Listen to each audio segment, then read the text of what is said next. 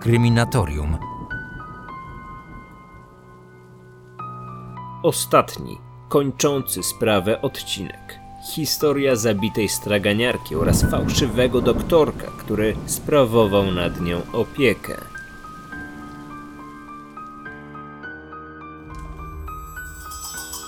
Kryminatorium.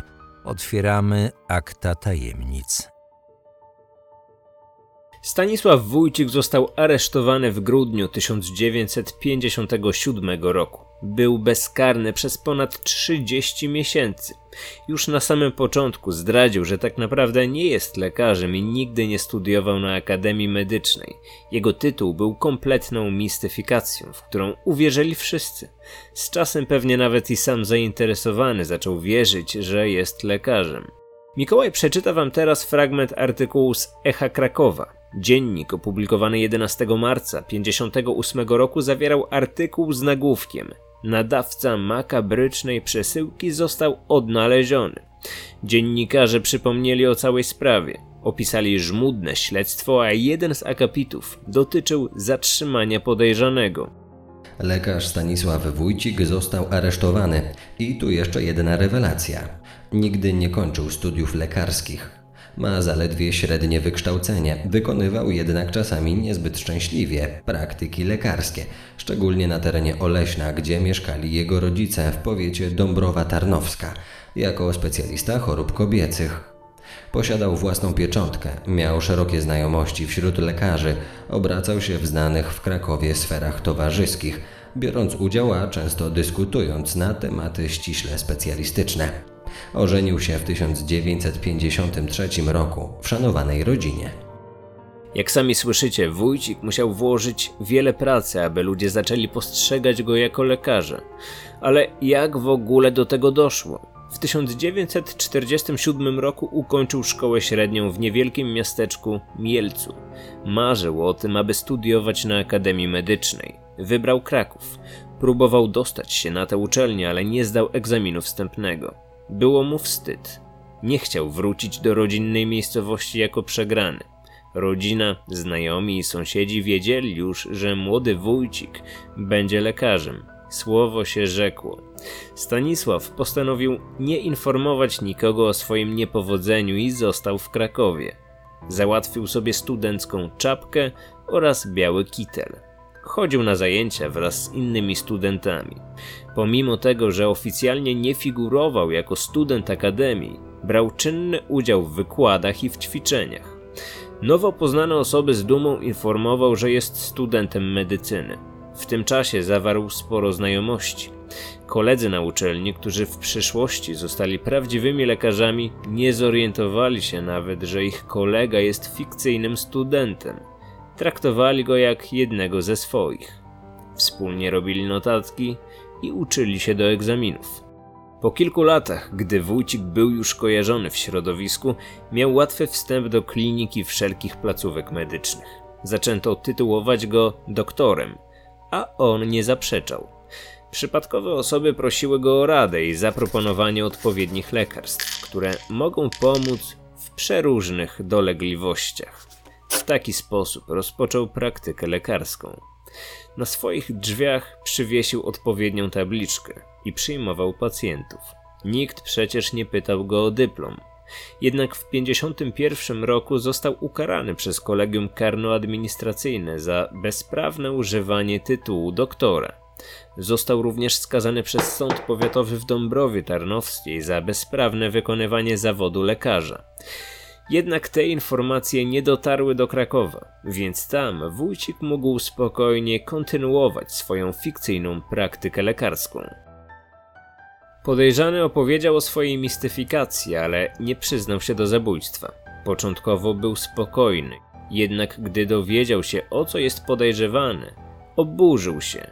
Według niego Gałuszkowa wyjechała z Krakowa w 1955 roku, prawdopodobnie na leczenie. Nic więcej na ten temat rzekomo nie wiedział. Przekonywał również, że w czasie, gdy doszło do zbrodni, nie było go nawet w Krakowie. Miał przebywać wówczas na letnisku w Bystrej Podhalańskiej z żoną i dzieckiem. Prokuratura musiała znaleźć mocne dowody. Wójcik w toku śledztwa był arogancki i pewny siebie.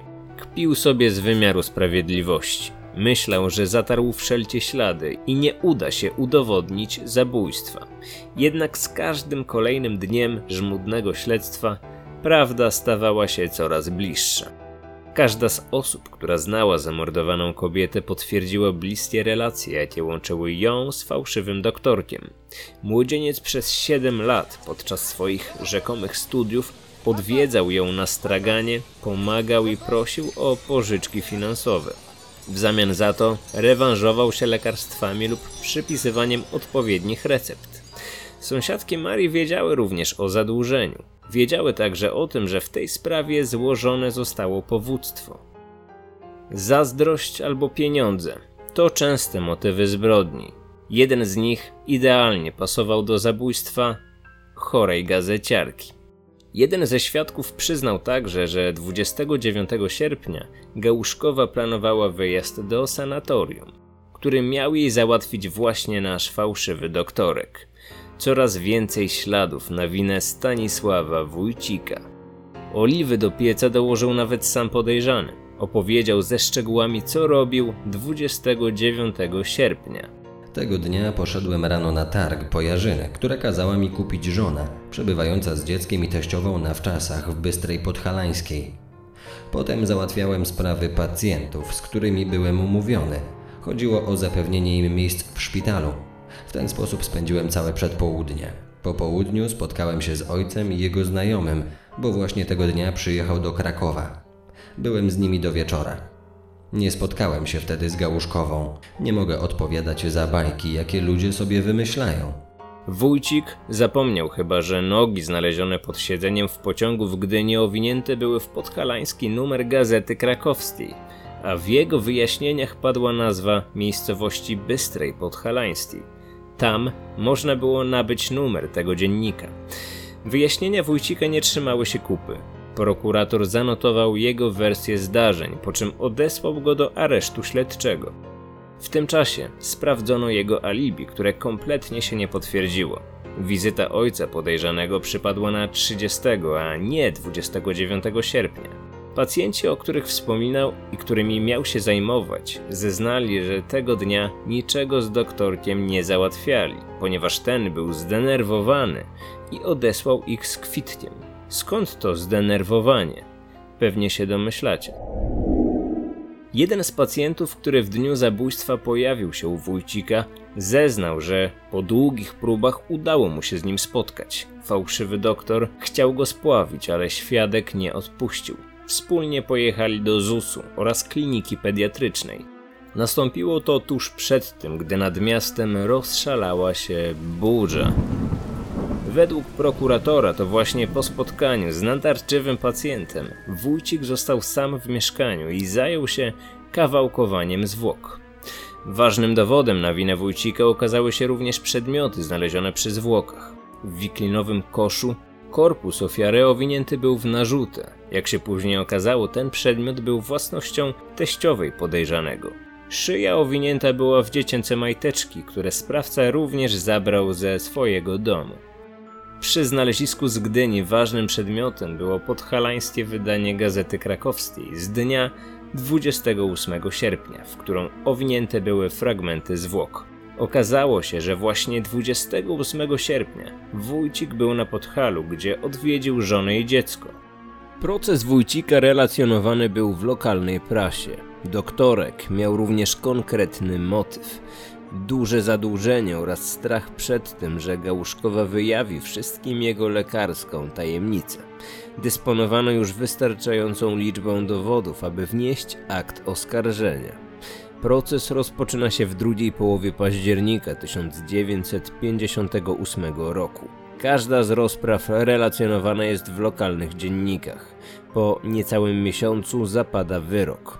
Oto fragment artykułu Echa Krakowa z 13 listopada. Morderca Gałuszkowej Stanisław Wójcik skazany na dożywotnie więzienie.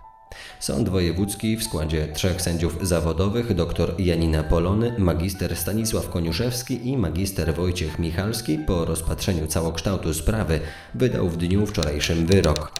Sąd uznał Stanisława Wójcika winnym zarzucanego mu z artykułu 225 paragraf 1 kodeksu karnego czynu, skazując go na karę dożywotniego więzienia oraz utratę praw publicznych i obywatelskich praw honorowych na zawsze. Sentencja wyroku znalazła obszerne i wnikliwe uzasadnienie. Wiceprezes Sądu Wojewódzkiego dr Janina Polony poddała drobiazgowej analizie całość materiału dowodowego. Omówiła bardzo istotne dla sprawy zagadnienie dowodów bezpośrednich, tzw. Tak poszlak. Nadto stwierdzono, że zeznania świadków złożone w toku przewodu sądowego, jak też dowody rzeczowe wiążą się w nierozerwalną, logiczną całość. Naturalnie rozpatrzono tu także okoliczności, jak poważny wpływ czasu i wszelkie możliwe wpływy na świadków z zewnątrz. Nie sposób podważyć autentyczności zeznań świadków. Deformacje, autosugestie i sugestie występują jednakowo u wszystkich świadków, tak oskarżenia jak i obrony, a więc wobec wszystkich to kryteria wiarygodności. Podstawą do określenia motywów zbrodni stała się sprawa długu oskarżonego o wysokości około 100 tysięcy złotych, na który złożyły się brane od Gałuszkowej na kredyt papierosy, najrozmaitsze pożyczki lub pomoc finansowa w okresie rzekomych jego studiów. Uzasadnieniu sąd stwierdził, że wiele pytań wypływających z procesu pozostało i pozostanie bez odpowiedzi. Mowa tu przede wszystkim o sposobie zabójstw. Według opinii biegłych najbardziej prawdopodobna przyczyna śmierci to otrucie, ale nie było pewności. Nie wiadomo było również, co stało się z głową kobiety. Przypuszczano, że wójcik wyrzucił ją do Wisła, ale nigdy nie odnaleziono tej części ciała. Pytania budził także sposób, w jaki Gałuszkowa została zwabiona do mieszkania, w którym później doszło do zbrodni. Zastanawiający był także udział w zdarzeniu dwóch pijaczków spod dworca, o których wspominałem w jednym z poprzednich odcinków. Czy brali oni udział w zabójstwie, czy tylko pomagali nadać przesyłkę? Czy wiedzieli o zbrodni, czy nie mieli o niej pojęcia? Podobnych pytań bez odpowiedzi było wiele. Nie ulegało jednak wątpliwości, że Stanisław Wójcik jest winny zabójstwa starszej kobiety. Jak opisuje sprawę dziennikarz Echa Krakowa, Stanisław Wójcik przyjął wyrok spokojnie. Po jego ogłoszeniu obrona zapowiedziała jednak wniesienie apelacji do Sądu Najwyższego. Tak też się stało. Obrona wytknęła uchybienia w prowadzeniu śledztwa. Znalezione w pociągu w Gdyni fragmenty zwłok wróciły do Krakowa do Zakładu Medycyny Sądowej. Jednak w tej przesyłce znajdowała się także Gazeta Pomorska. Obrońcy oskarżonego sugerowali więc, że to marynarze mogą mieć związek ze śmiercią kobiety. Podobno przed zabójstwem miała być widziana z dwoma podejrzanymi typami, którzy z północy Polski przyjechali do Krakowa robić interesy. Mężczyźni mieli jej przywozić owoce oraz trudno dostępne w naszym kraju produkty. Skąd w ogóle wzięła się Gazeta Pomorska? Wcześniej była przecież mowa tylko o Gazecie Krakowskiej. Wyglądało na to, że przez przypadek również egzemplarz tego dziennika wrócił z fragmentami zwłok do Krakowa. Może któryś z milicjantów zrobił to przypadkowo i ta drobna pomyłka stała się ważnym elementem dla obrońców.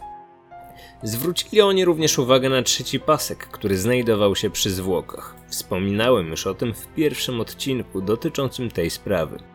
Fragmenty zwłok owinięte były w ten właśnie pasek, ale ten przedmiot nie był urzędowo zarejestrowany w protokole. To również było efektem jednej z pomyłek, które później doprowadziło do tego, iż rewizja trafiła do Sądu Najwyższego. Wątpliwości budziła także postać tajemniczej kobiety, która miała przekazać makabryczną przesyłkę adresowaną do Wrocławia. Jeżeli rzeczywiście takie zdarzenie miało miejsce, należało to wyjaśnić, znaleźć ową kobietę, a następnie ją przesłuchać, ponieważ to ona może być prawdziwym zabójcą. Nieścisłości było zbyt wiele, dlatego rewizja trafiła do Sądu Najwyższego. Śledztwo przejmuje prokurator Henryk Pracki i od razu bierze się do działania. Jedzie do Wrocławia, tam rozmawia z osobami, które uczestniczyły przy protokołowaniu znalezionych przy zwłokach przedmiotów. Tajemniczy trzeci pasek, który wzbudzał największe wątpliwości, wykonany był z granatowej flanelowej tkaniny. Osoby, które jako pierwsze miały styczność z makabrycznym znaleziskiem, potwierdziły, że z całą pewnością taki przedmiot się tam znajdował. Co więcej, trzeci pasek miał się również znaleźć we wstępnym protokole, jednak tego wpisu zabrakło w maszynopisie. Nie było to celowe działanie, aby zatrzeć ślady. Był to zwykły błąd, powstały w wyniku niedopatrzenia. Prokurator zebrał wszelkie oświadczenia dotyczące znalezionych przedmiotów. Wrócił do Krakowa i ponownie wezwał do siebie współlokatorów Wójcika. Okazano im przedmioty znalezione przy zwłokach, w tym flanelowy pasek. Jeden ze świadków zeznaje. To jest pasek od bluzki mojej matki. Jestem tego pewna. Zresztą matka ma jeszcze tę bluzkę, a od pewnego czasu szukała paska. Nawet kilkukrotnie pytała, czy go gdzieś nie widziałam. Wójcik do zabezpieczenia zwłok wykorzystał wszystko, co miał akurat pod ręką. Bielizna własnego dziecka, kapa teściowej, a teraz okazuje się także, że wśród przedmiotów był flanelowy pasek należący do jego współlokatorki. Spróbowano znaleźć bluzkę, o której mówiła kobieta, ale to okazało się trudnym zadaniem. W mieszkaniu przy ulicy Długiej tej odzieży nie znaleziono. Kobieta zasugerowała, że bluzka może być w mieszkaniu jej matki na Nowej Hucie. Tam również jej nie było, ale prokurator odesłany został w kolejne miejsce. Bluzka miała trafić do koleżanki Agnieszki, która mieszka w Piechotach. Odwiedzono więc także i to miejsce. Zaskoczona Agnieszka przyznała, że owszem, otrzymała bluzkę, ale jakiś czas temu spruła ją, ponieważ z materiału chciała uszyć coś ciekawszego. Do badań przekazała jednak skrawki materiału. Ten dowód może okazać się wystarczający. Ekspertyza tkanin jest w stanie sprawdzić, czy pasek i skrawki bluzki stworzone zostały z tego samego materiału. Już wtedy identyfikacja tkanin dawała duże możliwości. Brano uwagę splot badanej tkaniny, popełnione przez maszynę błędy, a także jakość materiału, jak również jego indywidualne cechy.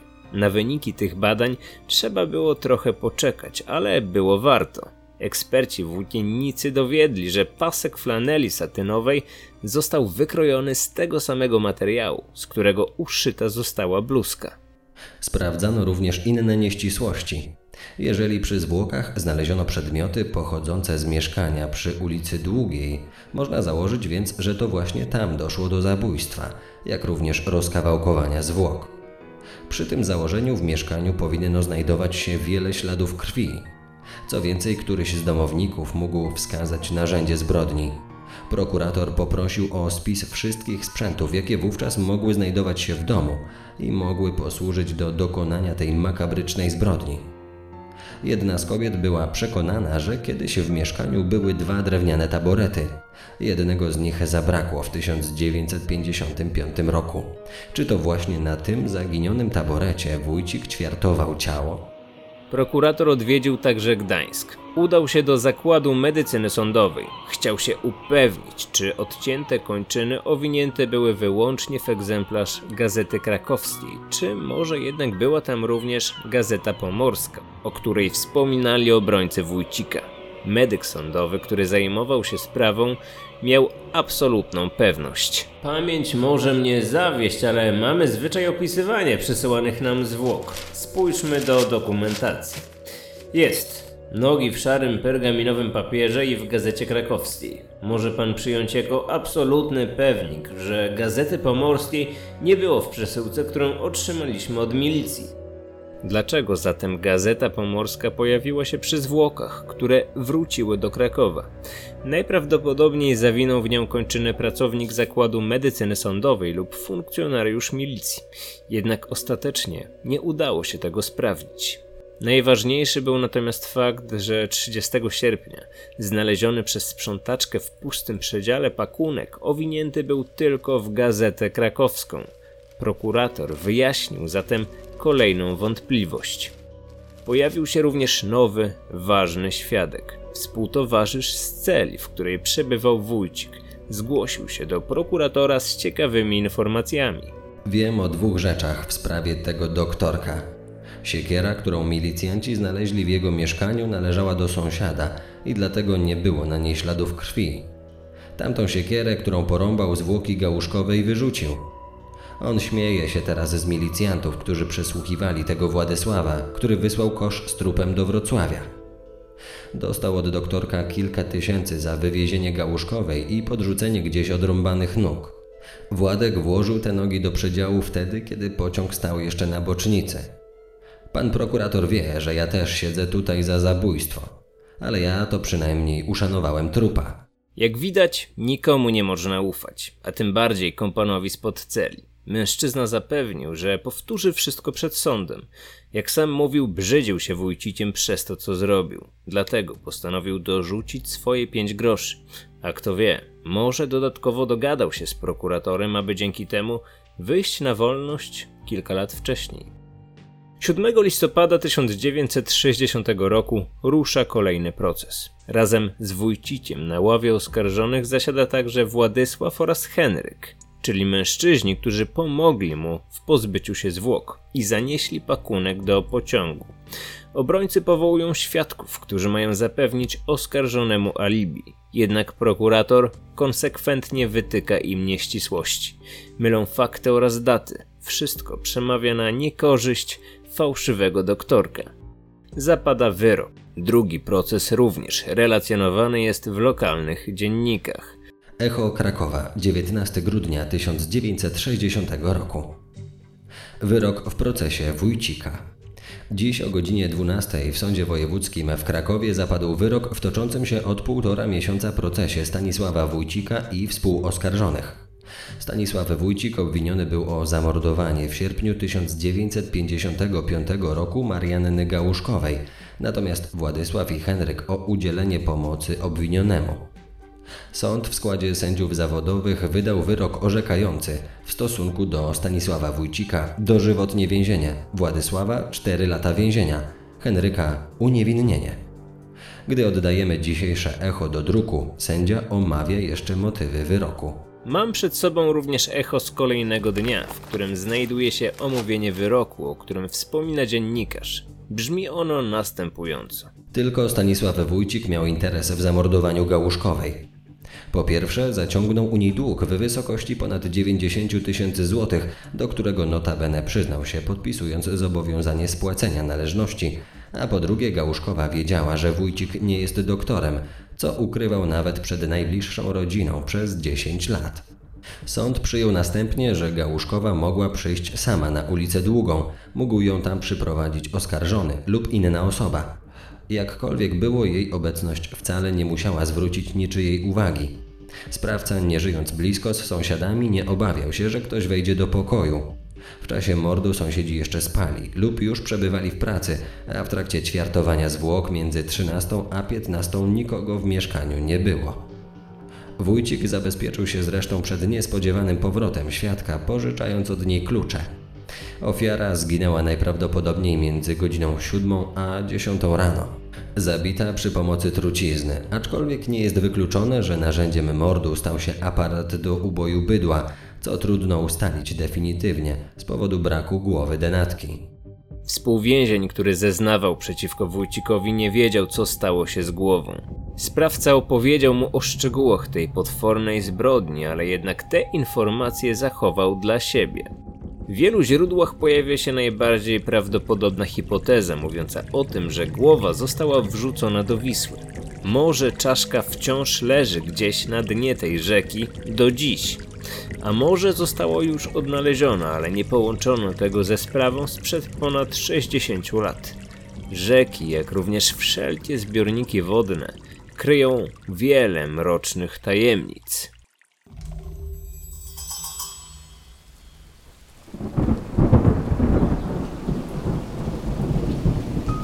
Doniesienia prasowe oraz książki sprzed kilkudziesięciu lat, w których opisana jest ta sprawa, nie zawierają informacji o tym, jak potoczyło się życie Stanisława Wójcika.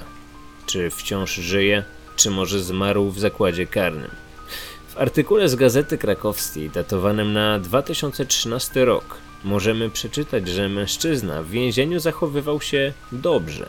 Dzięki temu wyszedł na wolność po 20 latach. W międzyczasie zmniejszono mu wyrok z dożywocia na ćwierć wieku. Po wyjściu z zakładu karnego przydzielono mu kuratora i osiedlił się w Stalowej Woli. W tej miejscowości zmarł w 1980 roku.